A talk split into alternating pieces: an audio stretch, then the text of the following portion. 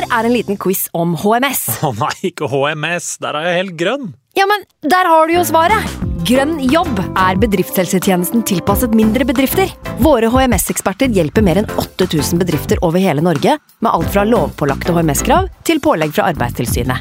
Få på plass bedriftshelsetjeneste på grønnjobb.no. Hallo? Jeg kommer fra Oslo politikammer. Ine Jansen er purk. Er du purk? The motherfucking bitch. Alt jeg vil, er å finne ut hva som skjedde med mannen min. Jon Carew. Er jeg sikta for noe? Iben Akeli. Det er du. Ole So, Lars Berrum og Big Daddy Karsten. Hvem sin side er du på, egentlig? Anette Hoff, Tone Danielsen, Kommer du fra Afrika? Jørnis Josef, Nesten. Kløfta. Trond Espen Seim, Det er synd å si det, men det var feil mann som døde. Purk. Premiere tirsdag på TV2 Play. I can't believe it. Football, bloody hell.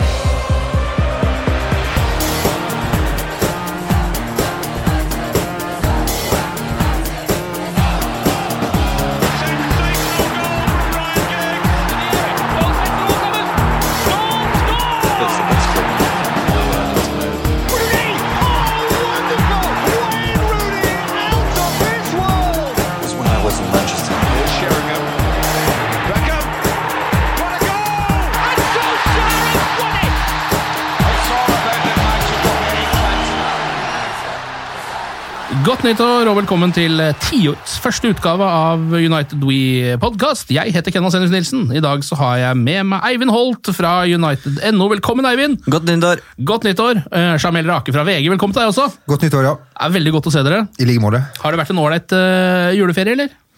Jeg kan bare snakke for meg sjøl. Jeg, var- jeg var enten øh, Selv om jeg er blitt voksen nå, enten full eller fyllesyk. Det er ofte sånn det Mm. Ja. blir. Jeg kjenner meg litt igjen i Og så det. ble jeg i forlengelsen av det sjuk. Ja, helt like jul som meg! Ja, ikke det fint? Oi, ja, ja, ja? Så deilig å tenke på at eh, jeg har gått rundt med mine problemer, og så har de da blitt speila eh, i din verden også. Oppe på ei fjellhylle oppe på Vestlandet en eller annen plass der. Har Ikke det sant? blitt nøyaktig en liten kopiering. Hva med deg, da, Eivind? Håper du har hatt det bedre. Jeg var sjuk før jul. Jeg gjorde det unna da. Men eh, nei, det har vært en fin jul med litt eh, fotball òg, så det har jo gått opp og ned. Som Ja. eh, ja. Det har jo det. Det har, altså, det har blitt spilt så voldsomt mye kamper siden sist vi hadde podkast. Vi hadde juleferie nå, bare så det er sagt, så er ikke det på en måte litt fordi at vi egentlig trengte det. Det er fordi at hele studioet her stenger ned hele jula. Så vi har ikke hatt mulighet til å gi ut podkaster underveis i jula, faktisk. Det har ikke vært noe fysisk mulighet for å spille inn noe sted. Så er det sagt, da. Eh, Men de kampene som har vært spilt, vi må jo innom dem litt i dag, men jeg tenker vi kan ikke systematisk gå gjennom eh, 2-0 mot Watford, eh, 4-1 mot Newcastle, 2-0 mot Burnley, 2-0 mot Arsenal, 0-0 mot Wolves. Alt det kan vi ikke gjøre. Så jeg tenker vi kan ta det litt sånn overfladisk. Kanskje kåre um, den beste United-spilleren i denne juleperioden. Og så gyver vi bare løs på spørsmål som har kommet inn på sosiale medier. Om alt som foregår i klubben nå om dagen. Høres det bra ut, eller? Veldig fint for min egen del. Absolutt. Ja. Det er veldig godt å svare på spørsmål. Ja, du, du er det, ja? Ja. Men ikke så god til å stille dem. Veldig dårlig på det, faktisk. Passer litt dårlig med yrket mitt. Ja, Du er jo journalist, er du ikke det? Jo da, men øh, ja. Eller er du det, egentlig? Jeg vet. Ja, ja, ja. Ja, du er det, ja. Ehm, jeg vet ikke, Skal vi begynne med å Tre måneder på BI i 2005 hadde jeg. Er det journalistutdannelse, det? Nei, det er det jeg har. jeg, må, jeg må bare svare på Hvem er den høyst utdannede der, egentlig? Eh, Jeg har eh, også en bachelorgrad. Det er liksom det jeg har. Hva har du, Eivind? Har du noe høy Jeg har en master. Fy, Kan jeg Hvorfor sitter du her? i- ja, ikke sant? Master i Master i sosiologi. Ja, så du er flink med art, altså arter? Skulle, skulle, nei, ikke, ikke, ikke dyreriket. Nei, men altså, mener jeg arter generelt, da. Ja, ja, sånn sett. Ja, ja, ja. Ja. Kanskje ikke så veldig viktig for den podkasten. Vi får se. Altså får se Alt handler om samhandling mellom mennesker. Absolutt. Absolutt Ja, alt. Uh, Men eh, skal vi begynne med å titte litt på hvilke hva, Er det noe dere vil liksom trekke fram fra disse julekampene? Det er jo liksom seierne som står igjen, er det ikke det? Uh, Kanskje ekstra skuffende enn Arsenal-kampen, eller? Ja, og det er jo igjen eh, gjerne ett skritt fram og to tilbake. Det er gjerne Ja. sånn det har blitt, og det får vi stadig eh, nye bekreftelser på, syns jeg. Og så kan man snakke Vi har snakka mye om det her i podkasten, eh, hva det prosjektet til Solskjær innebærer. Man skal ha tålmodighet, og han trykker for så vidt på de riktige knappene og sånn. Eh, Men det, blir, det er naturlig at det blir stilt spørsmål eh, rundt hvor lang tid det her skal ta. Hvor mye tålmodighet skal man ha, og til hvilken pris. Fordi Ja, Nå skal ikke jeg gå ut på noen sånn lang Jeg merker at jeg allerede er på vei ut på isen her, men eh, Det at man eh, ikke slår Arsenal på bortebane, er for så vidt ikke et stort problem, egentlig. Altså, det er en toppkamp som ofte går, eh, kan gå begge veier. Eh, men, men det er den der ustabi ustabiliteten som, som vi savner, og kanskje da spesielt som vi så mot mot Watford, og uansett hvordan du vrir og vender på det, så skal Manchester United ha et lag som er godt nok til å slå Watford. Ja. Og hvorfor gjør de ikke det? Det er det som gjør at man begynner å stille spørsmål rundt uh, til det som skjer under Ole Gunnar Solskjær. Mm.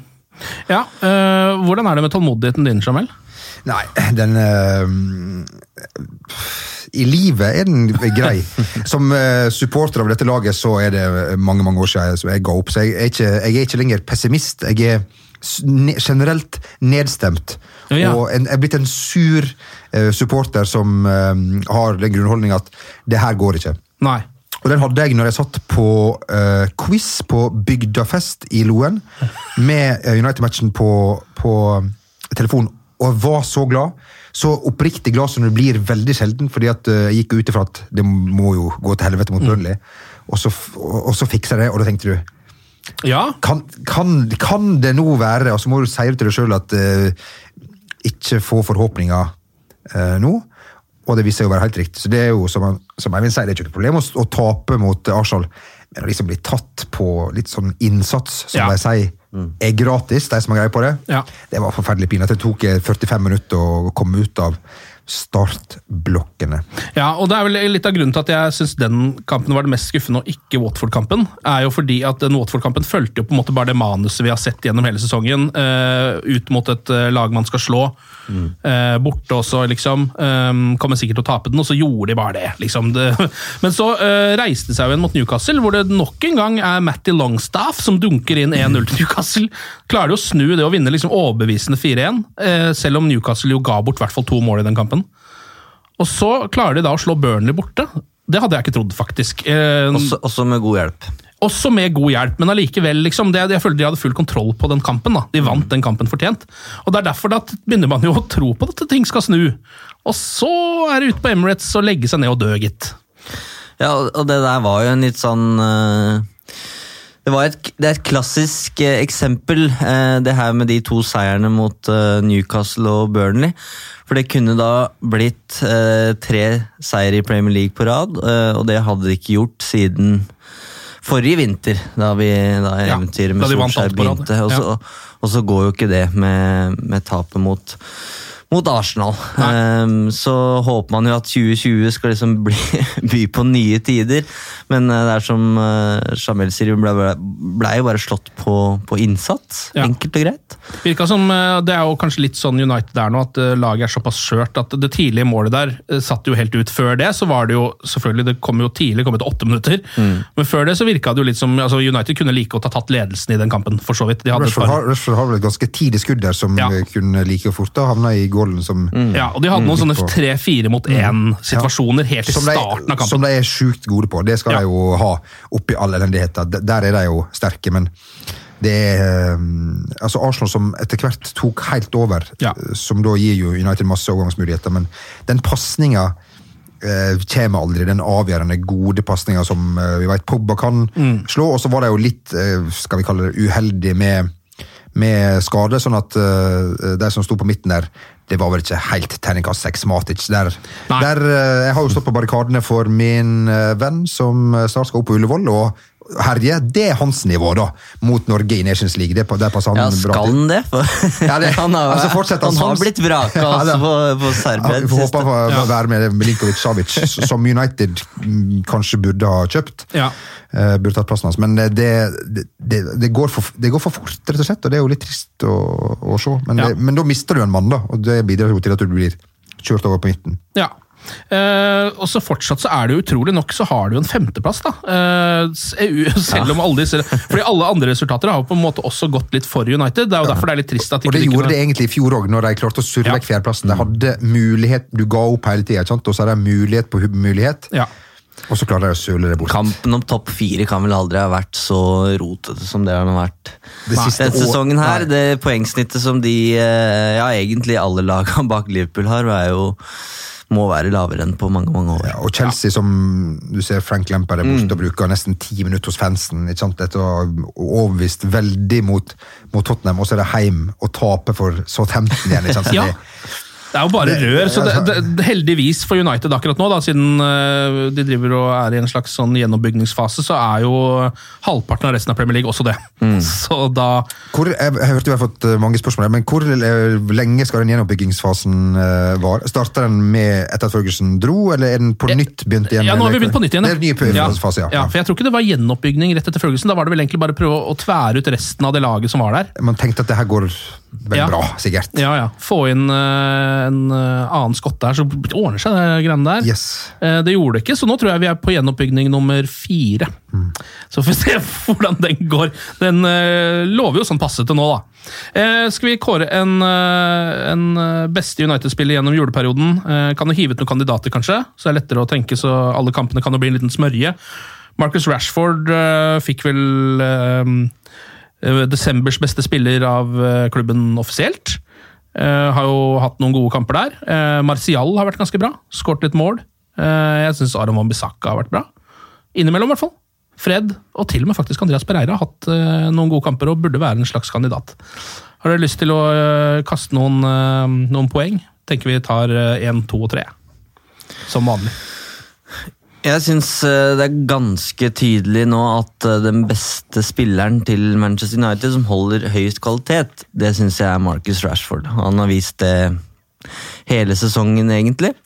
Eh, Så Han har jo også et par mål i, i det juleprogrammet, så jeg syns han er en åpenbar kandidat. Ja. Anthony Martial har også vært god, så jeg syns en av de to skal være den beste. Mm.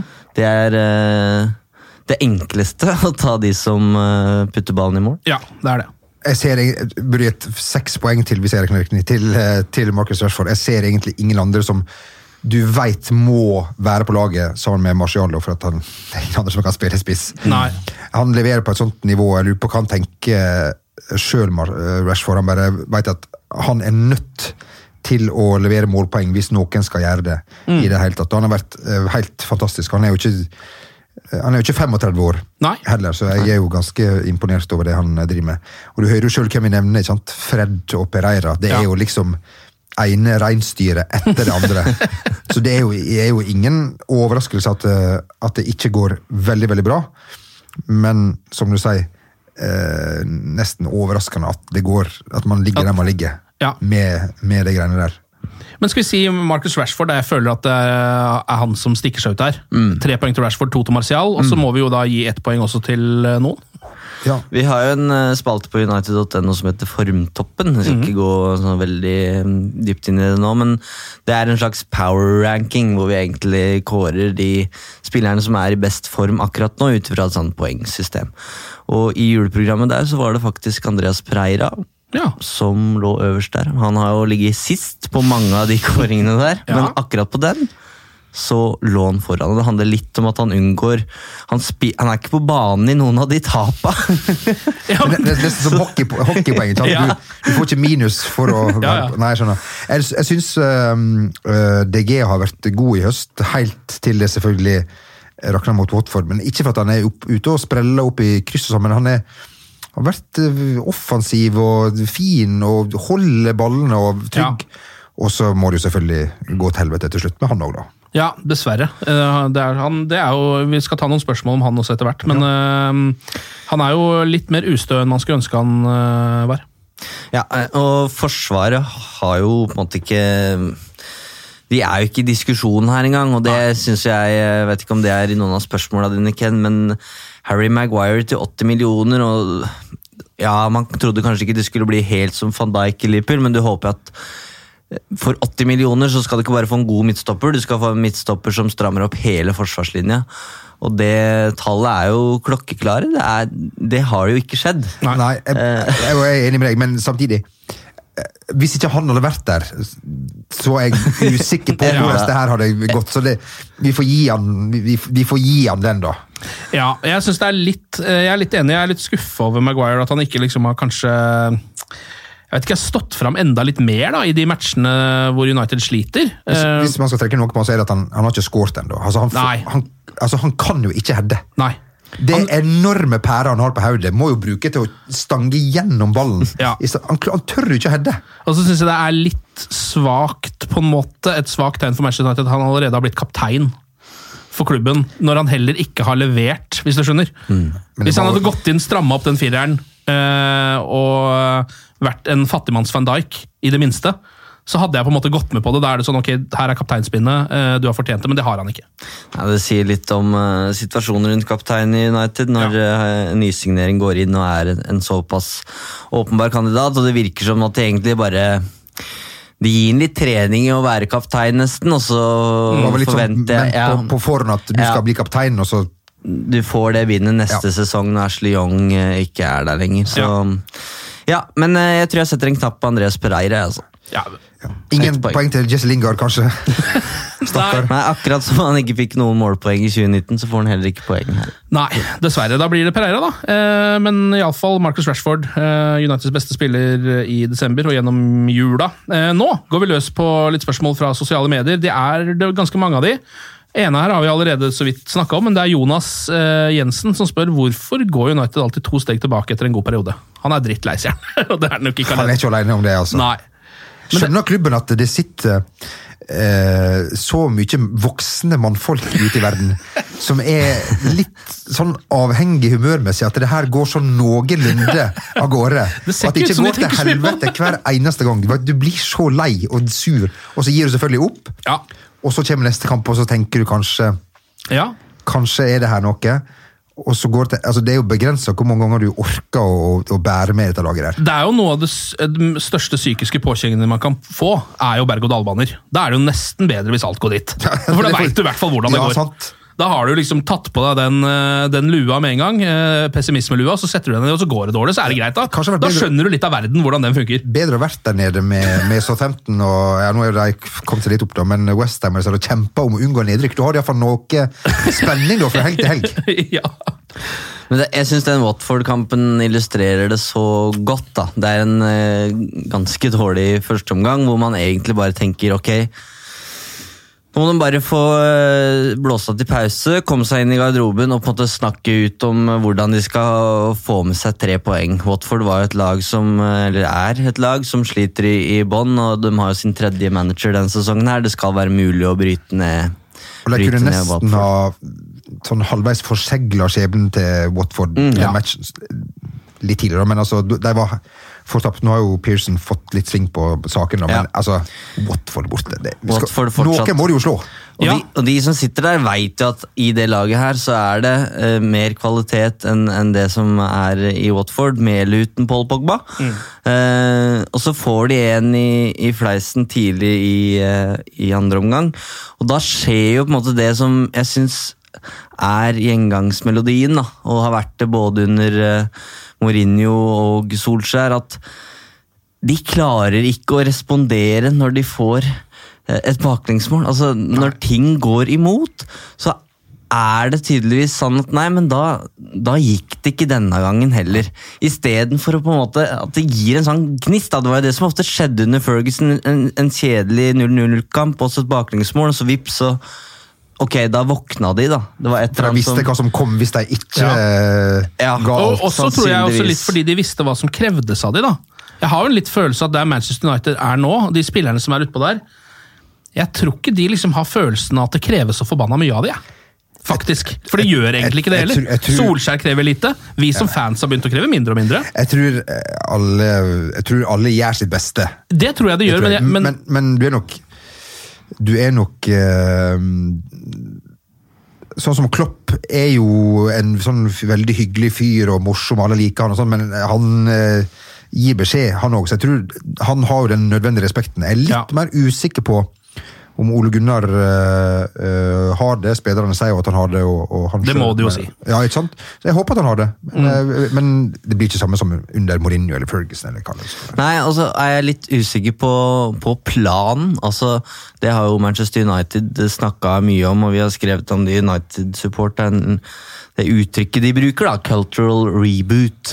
Men liksom skrell bort alt, uh, og så se på det som skjer på fotballbanen. Og jeg er enig med deg, men Jeg tror de gir alt. Jeg synes du ser Rashford og Fred, de løper jo sokkene av seg. Men spørsmålet mitt Gjorde ikke er det mot Arsenal?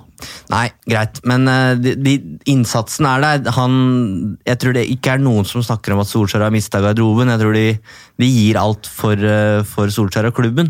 Men veit de hva de skal gjøre? Det er spørsmålet mitt.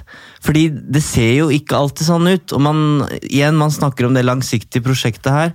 Og ja, man skal hente inn unge spillere, gjerne britiske. Man skal spille eh, angrepsfotball, og det skal gå fort, og de skal presse. Men hvilke prinsipper? Hva er på en måte Solskjær Stilen, da. Eh, Klopp hadde heller ikke noe bedre poengsnitt enn Solskjær har hatt på sine 40 første kamper. Men du så konturene av et prosjekt som var mye tydeligere. Ja. Uh, her er det litt mer suppe. Null skudd mot på mål mot Wolverhampton. Det står om et avansement. Man kan ikke gå for omkamp.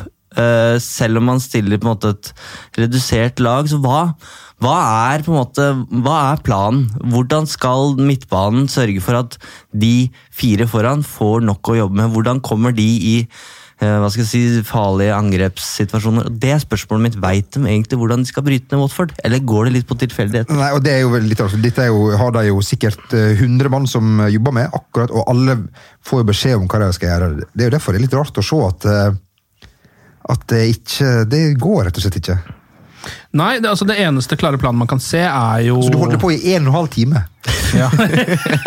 altså, altså tenk, hva, hva, Skal vi gjør, prøve noe annet? hva gjør du på i, i den en og en halv timen? Alle er jo borti ballen kanskje fem minutter sammen. da. ja. Hva er det de gjør med, med, med den? Men har ikke det her vært egentlig et problem helt siden Ferguson? da? Jeg synes Det var vanskelig å se under Moyes, det var vanskelig å se under van Gaal, det var vanskelig å se under Mourinho. Hvordan skal man skape sjanser? og øh, Da var jo egentlig litt sånn oppskriften, eller i hvert fall det som ble resultatet til slutt, var jo masse ball ut på Beck. Beck skal ha ballen utafor motstander 16. Og svinge den litt for høyt, sånn at ingen rekker den. For høyt? Eller for lavt, eller det svinger å svinge den i nærmeste ræv. Så Ja. hardt Ja, som du bare kan. ja, altså, du ja. kommer jo aldri Nå tenker altså, du på Luke Shaw, men hvis det er Ashley Young, så svinger han heller for høyt. det Altså, det sant, spørs det hvem som slår den. Det, det har vært et problem helt siden Ferguson at de, de har jo aldri vært et lag som vinner 4-5-0, bortsett fra i perioder. Eh, og det var jo litt sånn under Solskjær de, de første månedene hvor man tenkte at ja, er, det så enkelt, liksom? Ja. Er det bare å si at gå ut, uttrykk dere og ha det gøy og skår, noen mål, og så feirer vi sammen når vi scorer? Er det så enkelt? Og det viser seg at det, det er det jo ikke. Man trenger i den moderne fotballen flere prinsipper å, å gå etter enn det. Og det mange peker på, er jo kompetansen som finnes i teamet til Solskjær. Det er, eh, det er Michael Carrick og Kieran McKenna som styrer det daglig, de daglige treningene på Carrington. Og da, jo, da er, må det jo være lov å spørre seg hva, hvor mye erfaring er det den duoen der sitter på. Nå er det ingen som veit hvordan de treningsøktene ser ut. Det kan hende de eh, gir spillerne alle muligheter for å vinne alle fotballkamper. Ehm, Men det er, det er verdt å stille seg spørsmålet, i hvert fall for oss som, som står uten, utenfor og ser. Eh, og, tankene går litt til eh, Ferguson som henta Carlos Cueros når han på en måte skulle tilpasse seg den kontinentale fotballen da, på, på, på 2000-tallet. Uh, Og Cueros fikk jo mye av æren da, for måten United på en måte endra seg uh, fra å spille 4-4-2 under Ferguson, som var en veldig sånn, klassisk med York Cole på topp, til å spille den litt mer ja, kontinentale, moderne fotballen på den tida, da, med Verón og Ronaldo etter hvert. Og, Ja. som kanskje um, vi får noen nye inn i, inn i teamet etter hvert, og da er det ikke utenkelig i hvert fall at det blir en sånn taktisk ringrev. Hvis Mourinho har eh, prøvd å fornye seg i Tottenham med en ung portugiser som visstnok også var ønska av mange andre klubber. Og det her er jo litt sånn trenden. At nummer to er like viktig som nummer én. Vi har jo sett Klopp også har mista assistenten sin. Det så, ser ut som det har løst seg ganske greit likevel med, Ja. med, Ja. med Liverpool. Fikk inn en ny god assistent. Ja, da. altså, hvis vi altså, ikke klarer å hente spillere, og ikke trenere, liksom, og ikke assistenter heller, da er det begynt å skorte litt. Ja. Men um, det er jo som de sier, nå har de prøvd alt. Hvis Nå håper jeg jo at uh, Ole Gunnar får holde på så lenge som, som mulig, men hvis han hadde røket, hva, skal man, hva er liksom da det neste, når man har vært innom innom alt? Ja, nei, det er, jo da, det er jo den ene ledige mannen på markedet, da, som jo var han de absolutt ville ha for bare noen uker siden. Ja. Eh, Men nå er det ingen som snakker om han lenger, så jeg vet ikke hva som skjer med Maurizio Pacettino, men det er vel ikke så mye. akkurat. Nei, han reiste på ferie. Han var hjemme, eh, blant annet med Maradona. Det er vel us usikker på hvor bra det er. Oi, sier du det? Men uh, han har vel fornuften i behold, eh, eh, godeste Maurizio. Det hadde jo vært hadde vært morsomt å hadde vært morsomt å sett om han hadde på en måte Ja. Om han hadde fått, fått, Vi, fått det vi får jo se det en dag. Det er, føler jeg meg ganske Altså sikker på. Mm. Ja, Hvis man ikke er for sein på avtrekkeren, da. Det er vel det Ja, eneste. men om han så skulle ende i eh, Jeg vet ikke hvor han er er ja. nå, men eh, nå har han jo verken endt i Arsenal eller i Dortmund eller i noen av de andre klubbene Nei. han har vært kobla til. Men Du tror han kanskje går og venter litt på United-jobben, eller? Nei, jeg, jeg veit ikke, men jeg tror godt han kan ende opp et annet sted nå, da. Mm. Eh, og likevel på en måte ende Paul Trafford på et eller annet tidspunkt i karrieren. Det er ikke en, det er ikke en gammel mann der. Nei, Nei fordi det, du har- var jo inne på dette med liksom planen til uh, Ole Gunnar Solskjær sånn rent taktisk, eller på banen. da, Spillestil er det vel egentlig man kaller det. For det er jo det som kanskje det skorter litt på her. fordi ehm, hans langsiktige uh, cultural reboot-plan er jo veldig tydelig. Og den tror jeg på, egentlig. Jeg tror Alle de uh, prinsippene han har satt opp der, føler jeg er riktige. Det bør være uh, yngre, de kan godt være engelsk, de har litt mer tilhørighet til klubben. Helt topp. Um, unge, raske spillere. Men um, vi har ikke sett noe plan for det som foregår på matta. Altså for spillestil, som jo egentlig sånn eh, For eksempel ja, Klopp og Guardiola og sånn har veldig åpenbare, og Porcettino også egentlig, veldig sånn åpenbare planer der man ser det ganske fort hva de vil der. Så derfor så føler jeg liksom at eh, vi har en mann som eh, bare tikker av én av to bokser, da som styrer dette her akkurat nå. liksom. Det er nesten sånn, Jeg har en sånn slags drømmetanke om at Ole Gunnar Solskjær burde få den forbaska sportsdirektørjobben, og så burde de ansette Maurizio Pochettino til å styre fotballen som foregår utpå der. Fordi alle de planene Solskjær har, og alt det han sier, som er veldig fint, det tilhører egentlig sportsdirektørkategorien, ikke så mye managerkategorien. For da skal det skje ting ute på fotballbanen. Og det er litt skummelt å tenke på, syns jeg. Ja, det er akkurat det jeg tenkte på også. og, eh, samtidig så ser man jo at det er det er nok ikke så enkelt. Eh, vi ser Frank Lampard også hadde en drømmestart i, Ja. i Chelsea. Akkurat samme problem som, eh, som Solskjær. De, de sliter med å, å bryte ned de laga som de egentlig skal slå, og så gjør de det bra i toppkampene, som ofte er åpne. Eh, og veldig interessant, både for Solskjær og for Lampard så gikk det gikk det nedover sånn omtrent på samme tidspunkt. Jeg husker om det var sånn 12-13 kamper. Ja. Så det jo er eh, Du bruker jo ofte, når det går bra, så bruker du ofte de samme igjen. ikke sant? Og så blir de slitne, og så blir de skada, og så har du det gående. Ja, Og så har vel kanskje andre lag funnet ut av det også etter hvert. De være. sitter jo og analyserer som pokker, de. liksom. Det er jo litt vanskelig å analysere når man ikke vet hva er i starten. Hvis United kun har spilt borte alle kampene, så jeg tror jeg her kunne sett ganske bra ut. Ja, Eller hvis de bare hadde spilt mot City hele sesongen. var det mye, mye bedre. Jeg lurer på hvor mange altså, Se på onsdag. på, av, Ja. av, av liksom 40 kamper, hvor mange, hvordan det hadde endt hvis de hadde møtt hverandre 40 ganger?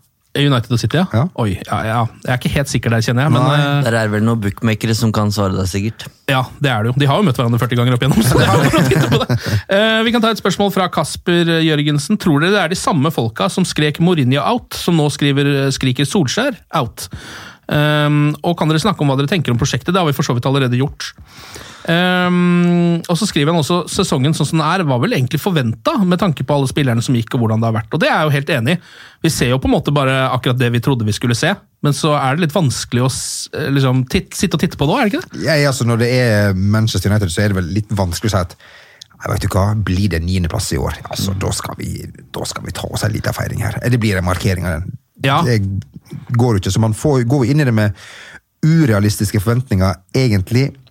Men man skal ha forventninger til den klubben. Jeg synes det, det er muligheter for å hente øh, folk. Uh, Men bare sånn de realistiske forventningene før denne sesongen var vel liksom fjerdeplass, var det ikke det? Jo. Og det er jo, de ligger jo på en måte på en slags kurs mot den, da. Ja, altså Det er ikke langt unna akkurat det man hadde sett for seg. i hvert fall. Hvis, men hvis du satte opp, så var ikke de, en, så var ikke de favoritt. Du satte ikke de opp på en av de fire førsteplassene, sannsynligvis. Nei. Så nei, det er jo på stø kurs på alltid mellom fem og ni. ikke Ja. det? det er jo ganske fint, det. Men det var jo spørsmål rundt Arsenal og Chelsea, først og fremst. Eh, og så har det jo bare vært, eh, som vi snakka om, helt eh, Texas i alle toppklubbene, egentlig. Eh, I tillegg til at Leicester har krangla seg inn der. Så ja, det har vel egentlig gått som forventa, men det har ikke sett så bra ut som jeg hadde forventa. Det har kanskje sett verre ut da. Altså på banen? På banen Mm. enn, det, enn det man frykta. Det vi ikke har vært inne på her, er jo at det mangler jo brikker i det laget her. Det ser jo alle, det veit vi jo. og det, er jo, det snakkes jo om på hver eneste pressekonferanse. Hvem skal Solskjær kjøpe i januar? Ja. Uh, og han sier jo det samme hver gang, at uh, jo, vi er på utsikt, men vi, vi skal kun hente de som er riktige. De som vi vil ha. Og det syns jeg er et eh, det, det låter godt i mine ører, i hvert fall. da, fordi et sånt januarkjøp som bare på en måte skal er der for å redde stumpene av denne sesongen, det, det trenger ikke det United-laget her. De må tenke langsiktig og Ja. holde på den planen. Men klarer man, går det ikke an å ha to tanker i hodet samtidig? da? Jeg tenker jo at eh, Om United får Champions League til neste år eller ikke, tror jeg er jæskla viktig. Rett og slett For året etter og for årene som kommer, og mye press uh, som altså Da må de få det neste sesong, hvis, Men hvis du skjønner hva jeg mener. Problemet er, nå har de brukt måte store deler av ressursene i sommer på å rydde bort. Sanchez borte, Lukaku borte, Darmian borte. Eh, og problemet er man får ikke på en måte en Henrik Larsson på et firemåneders lån til en grei pris. Eh, hvis Mario Mansukic skal komme, så skal han ha en toårskontrakt, og den skal være på x antall millioner i uka. Han har vel allerede dratt til Kina, så å si. Ja, det har, han har gjort det nå, men det, det var jo veldig mye snakk om det i høst. Og det var det det visstnok stranda på i sommer, at lønnskravet var for høyt. Og det er det som er problemet. Altså, de kan ikke på en måte eh, skaffe seg flere Lukakuer og Fellainer som de har på lange kontrakter, som de ikke ønsker seg i 2019-2020-sesongen, for da er det det de må konsentrere seg om før de får inn de de egentlig vil ha. Ja. Eh, men eh, Rudboy lurer jo allikevel på om det er realistisk å tro på noen kjøp da, i januar. Må gjerne tru, men ja. Altså, nå er vel sannsynligheten veldig liten for at eksempel Madison, som mange vil, vil ha, kommer, eh, kommer nå. Det er vel sommeren som jeg satser på. Men tenk hvis han hadde kommet inn nå. For et press han hadde fått Ja. på seg. Alle bare tenkt ok, nå har vi han. Nå, nå får du Ja. ta og brenne inn noen mål og assist her med en gang. ja. Så jeg Det er jo det presset som alle United spiller. Altså, det er jo det presset Di Maria hadde, Depay hadde. eh, på en måte, så Det er jo derfor det går til helvete med alle de Jo da, spillerne de kjøper. så har det vel litt med bruken og Ja, sånn. Men jeg må si, eh, den som har sagt det best om den klubben her i det siste, er vel Mino Raiola. Når han sa at det her er en klubb som er fullstendig villrede, med null plan. Ja. Verken på banen og utafor. De har jo selvfølgelig en plan, så er jo spørsmålet om, om, om det er den riktige. Og, og det syns i hvert fall ikke så godt på banen eller utafor. Nei, det gjør dessverre ikke det eh, ennå. Eh, Andreas eh, lurer også på dette her. Er, det handler om kjøp, dette her også, da.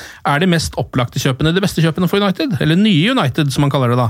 Eh, altså Madison og Graylish har vel så vidt blitt nevnt. Jaden Sancho, eh, unge engelskmenn. Eller finnes det eh, andre spillere som de kunne gått for? Er det han lurer på, da? Jeg tror han treffer på de han eh, nevner der. Eh, Det virker litt sånn om Madison eller Hvis de, hadde, hvis de tre hadde kommet inn liksom, i dag, så hadde vi jo syntes at det, det Ja, ja. kan gå. Ja, det ja, kan ja. gå. Jeg syns jo det mest åpenbare, eller kanskje det mest tilgjengelige alternativet, er Christian Eriksen. Eh, fordi han eh, åpenbart han kommer ikke, Det er ingenting som tyder på at han kommer til å bli værende i Tottenham. Nei. Og han reiser ikke til Real Madrid. Nei, det ser jo ikke sånn ut, og Han kan det fort være et januarkjøp, da, faktisk. han kan fort være et januarkjøp fordi han eh, starter jo ikke fotballkamper for Tottenham heller. Det gjorde han verken under Pochettino eller Mourinho, og han har, jeg synes han har vært god når han har fått eh, sjansen, men der er det åpenbart et eller annet. Eh, Så han kommer til å forsvinne, og hvis United er villig til å betale jeg vet ikke hvor mye de skal ha, men si 20 20-30. I, i 20-30 dagens millioner. 2020 det er det samme som gratis. Ja. Og så skal han vel ha litt uh, i uka òg, går jeg ut ifra. Men uh, han er jo ikke sånn som han var. Det er jo helt åpenbart. Han fikk seg jo en liten knekk etter, etter VM, hvor han var fantastisk god og vært god i mange mange, mange år. Spilt utrolig mye kamper. Og så gikk det vel litt nedover med han. Det samme med, med alle som gikk, mange som gikk langt i den turneringa. Modric, for eksempel. Ja. Så, og, og det ser jo Mourinho de. I tillegg, altså Hadde han vært helt spinnvill, så hadde han jo kanskje blitt brukt mer enn han hadde blitt. Men Mourinho vurderer det nok som at ok, i tillegg skal du ut av klubben, og du er ikke helt der som du var.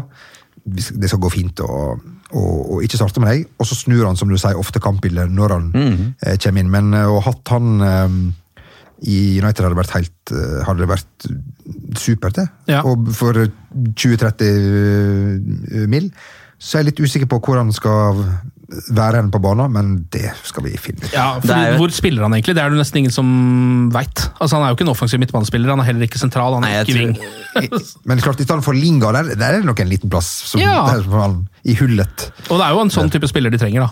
Akkurat den kreativiteten der er jo det United trenger. Jeg maser jo om at Solskjær snart må våge å prøve 4-3-3, eh, Ja. og der ville han passa perfekt. Men det er jo den midtbanen som er det store caset her, og det er derfor det snakkes så mye om januarvindu nå. Eh, det er sikkert noen spørsmål i bunken Ken, om en viss eh, franskmann som eh, enten er skada eller ikke er det. Det er det vi Ja, Vi kan godt snakke om det med en gang. Det er flere spørsmål, det er ingen eh, som går direkte på det. Så hva er det som skjer med Paul Pogba? da? La oss bare ta det med en gang. Nei, Det er det jo ingen som veit, men at det stilles spørsmål, det skjønner jeg godt. eh, fordi eh, jeg har hatt noen diskusjoner i romjula med kompiser som mener at dette er mediestyrt. At det er mediene som på en måte hauser opp det Pogba-greiene her. At så fort det er noe om Pogba, så, så er det på en måte store, store overskrifter. Og det stemmer jo.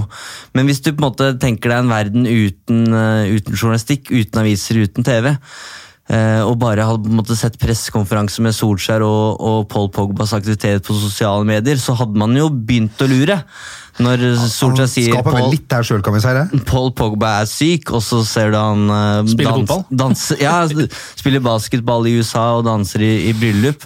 Og så er det Først så er det ankelen, og så er det operasjon, og så er det sykdom. Det, det er så mye, og det er så det er så vanskelig å bli klok på hva det egentlig er som skjer. Eh, så jeg skjønner at de signalene som sendes både fra Manchester United og Paul Pogba, de, de kan tolkes på Eller det er vanskelig å tolke de.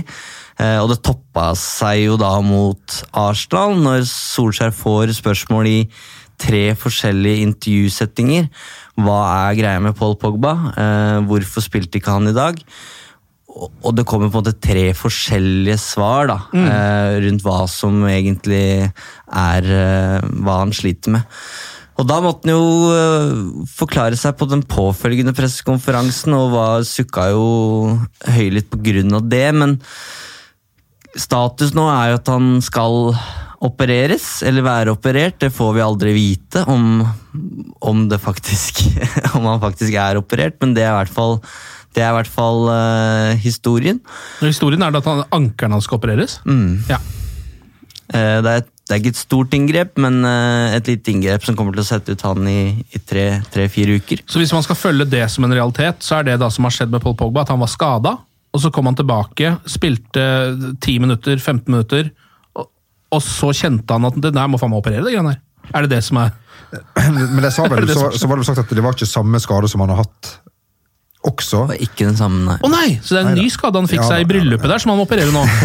Ja. Det har vel alle opplevd. Men ehm, hvis, de, hvis det ikke har vært snakk om operasjon, så kan man jo spekulere i hva som egentlig skjer. Men lyge på en spilleroperasjon, det tror ikke jeg skjer. Så det, det, det, det får vi jo håpe da, at de ikke holder oss for narr der. Men med han ute og McTominay ute, så er det jo nesten sånn at du blir tvunget til å prøve å finne et eller annet som kan, som kan være med å bidra på, på midtbanen. For det Matic-greiene, det virker Ja. vel litt ja, for det er akkurat det som er når du har liksom to sånne skader. Nå er jo ikke McTominay skada så lenge, er han det? Det er vel noen uker til? Ja, det er vel var ikke snakk om åtte uker, var da? åtte, Det er såpass, ja. så det er Og Pogba er helt uvisst hvor lenge han Når du da har mista dine to beste midtbanespillere, da, så kan det jo hende de må panikkhente inn en eller annen bare for å komme seg gjennom sesongen. Ja.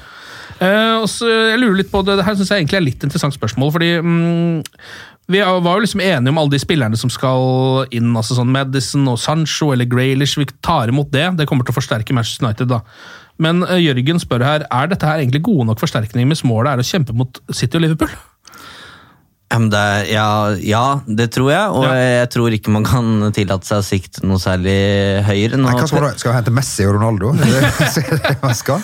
Nei, men det, Ja. Nå var det jo historier i, i sommer, det brifes jo på en måte fra begge kanter, så det er vanskelig å vite hva man skal tro, men det var jo snakk om at Dybala takka nei, og Christian Eriksen takker nei, og det er klart, da må du jo ned på, på hylle nummer to. Ja. Det, det med Eriksen var vel, hvis det er riktig det som kom ut, ganske forståelig. United kom seint på banen, Mm. og han var vel litt usikker på om det var han de ville ha, eller bare hvem som helst, og derfor takka han vel høflig. Ja. Mm. Han er en veldig høflig, høflig og hyggelig fyr, virker det som. Og det stemte vel også litt at det var litt sånn hvem som helst-aktig, og så var han et navn som dukka opp, og derfor så skulle United ha han. På en måte. Så jeg kan jo skjønne den tankegangen. Eh, Nå har han jo vært litt opp og ned i Juve også, som han egentlig har vært i flere sesonger. Så det er vanskelig å si hvor høy klasse han liksom har, eller hvordan han har gjort det i United. Ja, han var jo mm, har jo gjort det overraskende bra til å bli forsøkt lempa ut eh, Ja, der. det kan man si. Og, og egentlig levert sakene ganske Ja.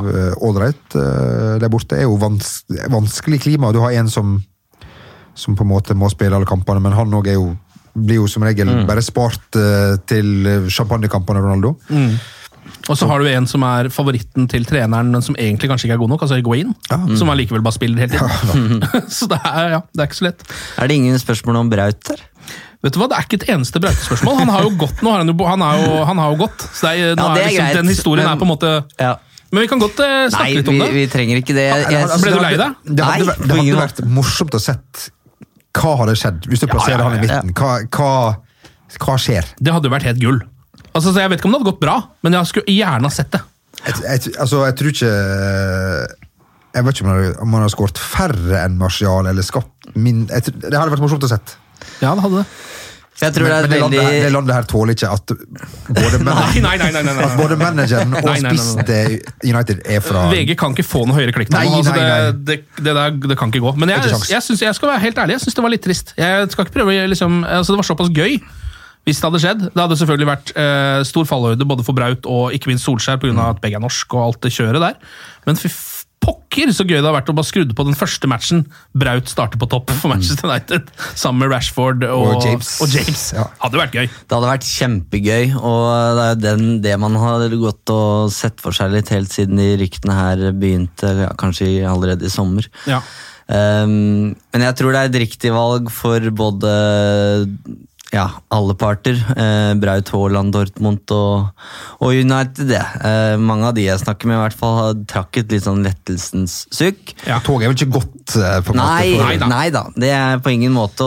Men det handler nok litt det som du sier, Ken, at det, det presset som ville vært på den duoen, da, Solskjær og Haaland, ville vært så enormt. Og det ville vært helt eh, absurd med tanke på hvor han kommer fra. Så um, Men jeg, ja, men jeg bare tenker også det um, Det som jeg syns er litt, uh, litt skummelt ved det, da, er at um, Manchester United fikk Altså, han, han kom ikke til United. Skjønner du, Han valgte ikke det. Det syns jeg er litt, litt dumt. Fordi det burde, altså sånn Hvis Manchester United skal opp mot Du kan velge mellom Leipzig, Dortmund og Manchester United, så velger du Manchester United, liksom. Men det gjør man ikke nødvendigvis lenger, så viser det seg. Det kan jo være en million grunner til det, Ja, med absolutt. agent og forskjellige ting. Det, jeg tror det har mye å vet si vi ikke. hvor- jeg tror, jeg, jeg tror det at klubben er i den gjør, lille gjørma de er i nå, har alt å si for det. da. Altså, Det er såpass mye usikkerhet ved å gå til Manchester United. Man har sett spillere komme hit før og drite seg totalt ut. Hvorfor skal jeg gjøre det? Jeg tror det er det han tenker. Men det hadde jo ikke vært en mer passende anledning å reise på enn nå, da, hvis du ser sånn på det. Nei, det du vet at her, her er det muligheter. Ja, det er sant, det òg. Ja, det er sant, det. Men eh, det får vi ikke vite. Nei, vi får jo aldri vite. Det får vi aldri vite det. Får se om han kanskje dukker opp når han uh, koster to milliarder mer. For eksempel. ja. Uh, Cato Steines uh, har lyst til å snakke litt om Jesse Lingard. Ingen mål eller assist i 2019. Det er jo Altså Helt utrolig nedslående, rett og slett, å tenke på et helt jævla år! Det er nesten så, altså, jeg, jeg vet, Hvis jeg hadde vært Jesse Lingard jeg, hadde, jeg, jeg vet ikke om jeg hadde turt å gå inn på fotballbanen igjen. Jeg. Hvis hele verden hadde visst det der. Det er jo først og fremst fryktelig imponerende Ja. at man ikke får til. Og man skal jo ha respekt for at um, folk har problemer på, på heimebane, men, eh, men eh, det er det mange som har. Ja. Som klarer å få målpoeng. Ja. Og han gjør jo så godt han kan, men altså, det er ikke det er, altså, Når du leverer null, da er det vel på tide å, å, kanskje ta skrittet videre. Han hadde passa perfekt i Inter. ja. Der, der kan han eh, Som de fleste i United-spillere. Det, ikke sant? Eh, men Men det eh, han- nå så, vi så, så- så jo at Raiola hadde blitt hans agent. Ja, og det er jo André lurer da på om, han da, om det tyder på at han er på vei bort, og Cato uh, lurer på om han burde få ny kontrakt, for det ryktes det jo også. Så nå vet jeg ikke hvilken av de to historiene vi skal ta tak i. Det er så vanskelig med, med Jesse Lingard fordi du kan si mye om det han driver med på sosiale medier. og sånn, Det er kanskje ikke alle som er like glad i det, men han er en lokal gutt som på en måte har kjempa seg fram litt mot, uh, mot oddsen. Jeg husker jeg så fulgte, fulgte U21-laget ganske tett da han spilte der, og han var egentlig ikke en av de som som utpekte seg noe spesielt. Andreas Pereira og Adnan Januzaj var på samme lag, og de, de var langt eh, mer talentfulle på den tida. Så han kom jo liksom litt under radaren og fikk en tøff start under van Gaal, hvor han, eh, om han ikke han pådro seg en stygg skade i, i debuten mot Swansea. Og så har han jo på en måte overlevd alle de managerne her. da, Det har vært en litt sånn romantisk United-historie. det her til tross for det vi har måte opplevd de siste seks-sju åra, ehm, så har på en måte Rashford tatt over den rollen litt nå, og nå er det Greenwood, så det er, man har flere av de unggutta som, Ja. som lykkes, men det er Unnskyld. Det er, jeg tror de fleste United-supportere unner Jesse Lingard det beste. Ja. Men så ser man han er nå 27 år gammel, og det han leverte i 2019, det var rett og slett ikke godt nok. Han er nødt til å finne seg sjæl. og man lurer jo på, når han eh, var på sitt beste under Mourinho, så føltes det nesten litt for godt til å være sant. Ja. Det var det Messi-målet mot Watford og litt sånne ting som bare Hva er det som skjer her, på en måte? Hva er det vi ikke har sett i den gutten her, som gjør at han eh, eller Hvordan kan han levere på det nivået her?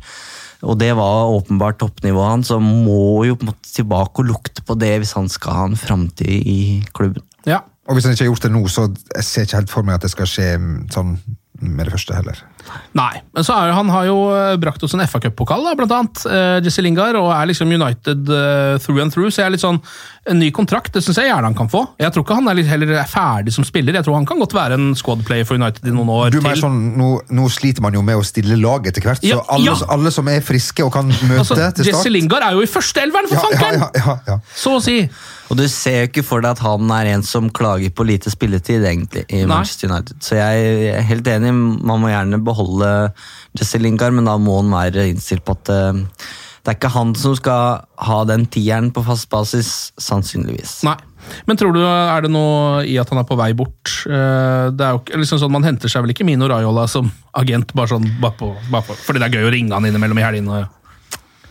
Jeg veit ikke. Jeg føler, har liksom, det er vanskelig å Det er så rart for meg å se for meg at han skal et annet sted. Altså, eller, det er jo et litt pussig eh, steg å ta når du vet at hovedfienden til arbeidsgiveren din, det- han skal du ha som Ja. eh, agent. Ja. Som skal fòre han med eder og galle om hvor jævlig Ole Gunnar og de er. Ja. Det er jo litt pussig. Du får ikke provosert eh, mer enn det, men det kan hende at de har en plan på det, gud veit. Ja, vi får se. Det blir sikkert lette kontraktforhandlinger hvis han skal ha en kontrakt. Det 200 milliarder i året. Eh, Arvid eh, lurer på hva syns dere om feiden eh, i gåsetegn mellom Ole Gunnar Solskjær og Robin van Persie? Og ikke minst Solskjærs reaksjon på uttalelsene til van Persie. Det syns jeg var så deilig å se. Når jeg så eh, det klippet eh, der Solskjær får spørsmål om hva han tenker om van Persis eh, kommentarer, så tenkte jeg litt sånn Endelig. Endelig så brøyt eh, den maska lite grann. Og dette er første gang Solskjær fyrer, syns jeg, Ja. eh, mot noen på er jo paradoksalt at han da gjør det fordi, at han fordi Robin van Persie har kritisert ham for å aldri fyre. Nettopp. Van Persie får det jo akkurat som han vil her. Ja, han men- fikk jo akkurat det han ville. Men jeg syns det er kult, eh, og det er eh, det, Ja, det var, jeg syns ikke det Robin van Persie sa var ille eller veldig fornærmende, men eh, Jeg tror van Persie bare sier det som veldig mange tenker. Ja. Egentlig, For man kan jo bli litt lei av å høre at vi er på vei en eller annen plass, og det kommer til å, til å ta tid. Nå er jeg jo såpass gammel og sur at jeg syns kanskje at han, Ole Gunn kunne ha sagt at eh, van Persie får si hva han vil. Ja. Fordi at eh, han var, han var litt irritert. Han var, sto- opp med feil fot, det, og det var jo mye tunge spørsmål, og presset er stort og alt. Så til slutt så må det rakne, også for vår venn, som hadde et lite sikt til van Persie òg, med den 20-trøya Ja. der. Han tok drakta hans, Ja. Men han mister det på en måte ikke. Det er Nei, ikke en rant helt som man tenker at riktig. flaut. Men det er det eh, første men lille snevet av at man Ja. ser at presset har gått eh, litt innpå han. Men det er mange som har på en måte ja, savna litt det der, da. Den gnisten. Man har jo sett det klippet fra da man var Cardiff-manager og får spørsmål om eh, hva han tenker om at Liverpool er tittelutfordrer. Eh, og det er litt den derre Ja, litt den arrogansen som man kanskje har savna litt. At Solskjær har vært for snill som Og han United-manager. blir jo irritert, selvfølgelig, ikke sant? for at han, han veit jo sjøl hvordan det er. Han fyrer jo i garderoben og sånne ting. Sam, samtidig som han sier at han, han tror ikke på det å stå og brøle og, Ja. og, og sånne ting. Ja, men jeg, jeg, Dagens unge tåler jo ikke det. Nei, de gjør ikke det. Og jeg kan, jeg, men jeg kan være litt enig i at det er litt irriterende at han alltid liksom skal smile bort 2-0-tap mot Watford og sånn, fordi han minner meg litt om en sånn uh, l- Komisk Ali. Nei, litt sånn Komiske alt- Ole. Komisk Ole. en litt sånn altfor salig eh, konfirmasjonsleirleder, hvis du skjønner, som er eh, kristen, og så står du der og prøver å provosere han så mye du kan, som 14 år gammel eh, fyr som driter i kristendom, bare vil ha gavene, og står og roper og banner til han, og så, er, så får du bare sånne salige klapp på hodet tilbake. Det er liksom litt sånn Kom igjen, da! Jeg prøver å få deg opp i ringa her! Ikke stå der og glis, på en måte. Han er jo egentlig bare Jeg syns han Solskjær er veldig norsk. Ja eh, på godt og vondt. eh, I eh, et Premier League-sirkus da som eh, Der de fleste managerne har en eh, litt uvanlig karakter, så er han egentlig ganske normal. Tenk hvis det hadde vært Mourinho oppi alt det her. Herregud. Altså, det hadde jo gått liv, sant? Ja, ja, det hadde gått liv, ja. Er, Ole- har Ole Gunnar Solskjær blitt veldig gammel veldig fort, eller? Jeg syns han ser så gammel ut nå. Nei, han, eh, det skjedde med en gang han eh, eh, tok Molde. Det var Molde, det skjedde, ja. Det var over natta. Ja. Så, så det rare er jo at altså, eh, alt utenom Jeg syns ansiktet fortsatt er, er ungt. Ja. Resten er forfalt. Altså, eh, min bestefar Kåre han har jo nå fått kvitt hår. Men jeg syns Ole Gunnar sitt det, det har en sånn grå, sånn litt sånn Toralf Maurstad-aktighet i seg som, som jeg syns er, er, er ikke bra. Og det managerlivet, det det skal jeg ha. Det er ikke bra. Det Nei. er langt ifra bra. Men Det er rart med fjeset til Ole Gunnar, fordi han har jo eh, the babyface, eh, liksom. Ja. Eh, Men med en gang det håret ble grått, så ble det akkurat som at det babyfjeset bare vrengte seg og ble eldgammelt. Okay, ja. altså, en, hvis du ser på en baby, så kan du enten være verdens eldste eller yngste menneske. Sånn er Solskjær litt nå. Han ser ut som en Kanskje han begynner å ligne litt på Benjamin Button. altså. Litt grann. Okay, det mener jeg. På, det, på den eldre eller yngre dager. Da. Det spørs Ja. litt hvordan man ser på det. Holder seg jo godt. Han er jo ikke gamle skvetten eller eh, Hvor gammel er han? Ole Gunnar- Ja, 47? 6-7, ja. Oi, ja. ja. Ja ja, vi får se hvordan Nå litt uh, taktisk. Martin Haugsnes, uh, en gammel skatekompis av meg fra Moss. Hallo, Martin. Hyggelig at du sender inn her. Uh, han lurer på hvorfor du skata? Ja, så vidt. Jeg var, ble aldri kjempegod, jeg ble ikke det. Eh, jeg var for redd. Det var skummelt med Railson. Ja, det er selvfølgelig litt som, litt som å være taxisjåfør og ikke kunne trafikkreglene. Litt grann, ja. Eh, hvorfor tviholder Ole Gunnar Solskjær på 4-2-3-1 når vi helt åpenbart ikke har noen tiere? Dette har vi jo diskutert litt før. Mm. du var så vidt inne på det i stad, at du eh, skulle ønske han kunne lagt om til en rein 4-3-3 snart. Ja, Nå har de ikke midtbanespillere, så det går ikke nå. Altså, Men nå, nå, her, her får man ta Her får man ta formasjon etter folk som er friske. Ja, etter posisjon. 406 for eksempel, kan jo Ja, være en fin ja, det kan formasjon. være veldig bra. Eller 10-0. Ja. El- Nei, 11 er det som spiller på ballen. Ja, men er keeperen teller jo ikke med i Ja, teller ikke det.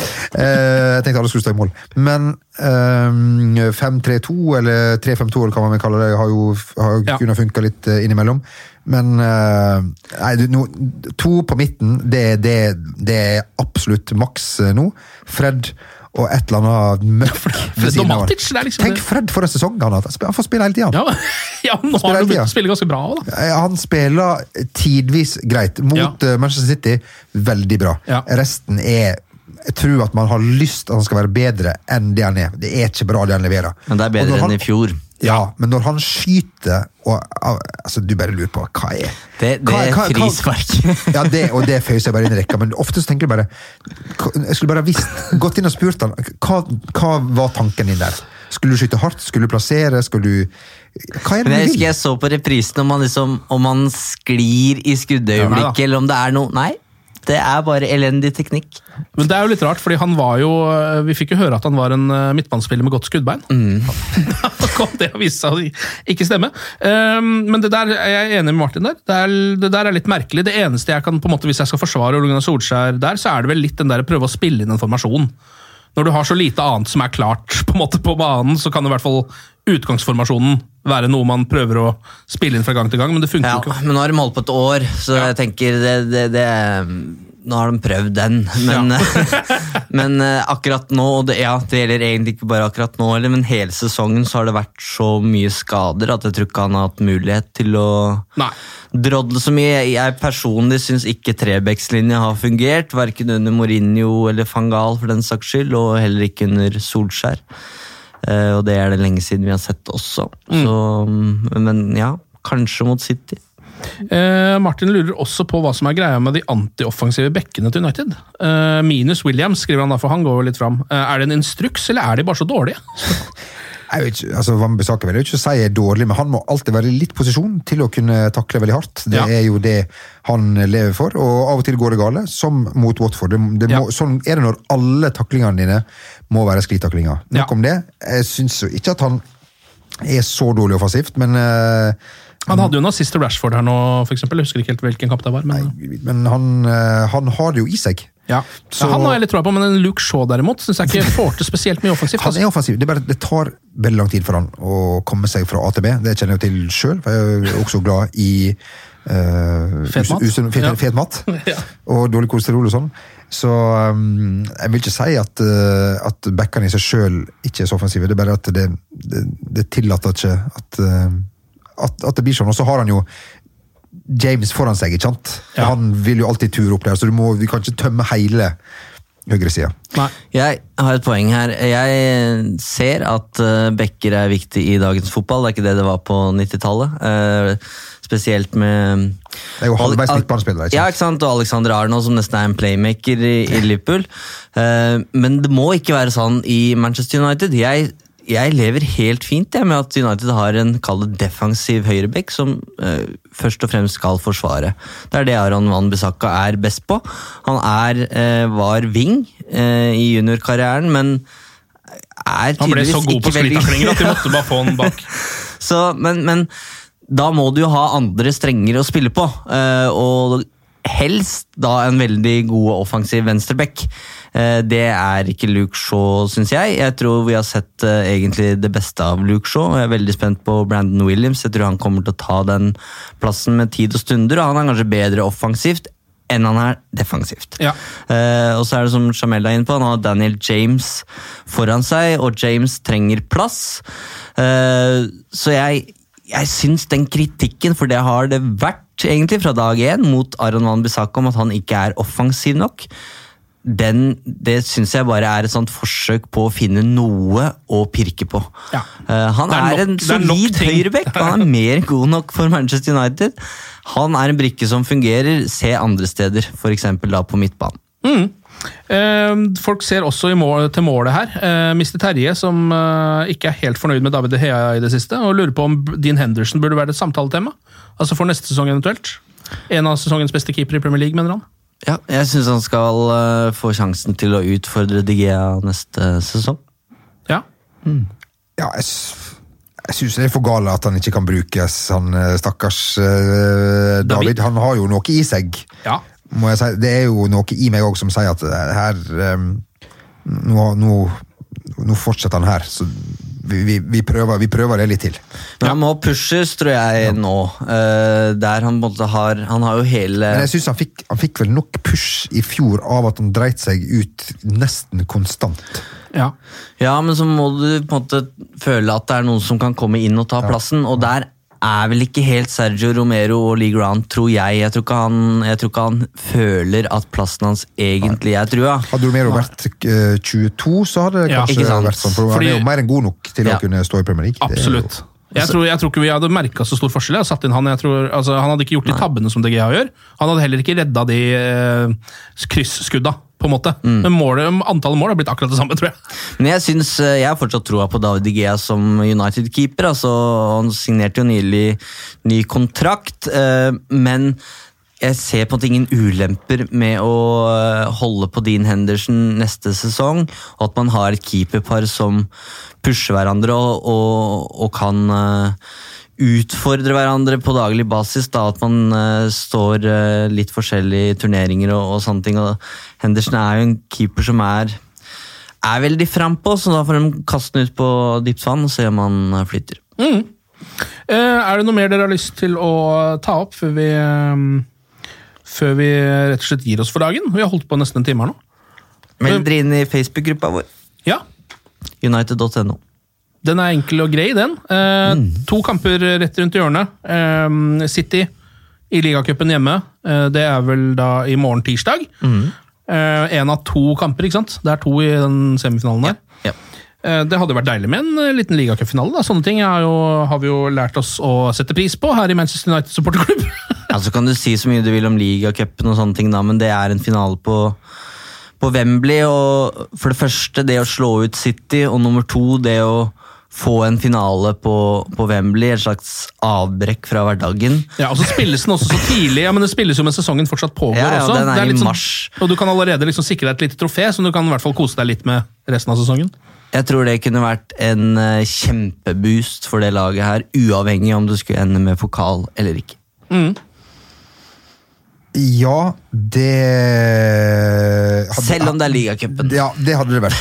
Eh, livet mitt går nok videre, selv om eh, det skulle ryke mot, eh, mot City. Helst eh, for min del kunne United vært ute, sånn at de kunne få seg en pust i bakken. Eh, som de jo helt åpenbart eh, trenger til å forberede seg til å spille en eh, heimekamp, som jo er jo nesten helt umulig for laget. Tenker på den mot Norwich nå på lørdag. Ja. Ja. Så må jeg bare skyte inn, jeg synes jo det er, det er en viss ironi i det at Solskjær stiller et uh, redusert mannskap for å hvile folk i en periode med mange kamper, Yep. og så ender man opp da med å få Omkamp. Ja.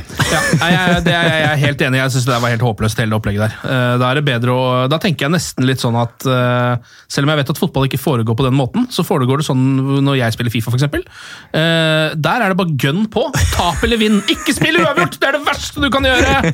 Bare tap eller vinn isteden! Se hva som skjer. Ja, Enig. Ja, ok, Men Norwich eh, hjemme i Premier League på lørdag, da, den må vi være enige om at det burde bli tre poeng til Manchester United. vel? Her, er det, her, her må man ta, her tar man ikke en kamp engang, men man må ta en dag av gangen. Ja. Fram til, eh, fram til det. Ja. Vi krysser i hvert fall fingra. Jamel og Eivind, takk for innsatsen. Glory, glory.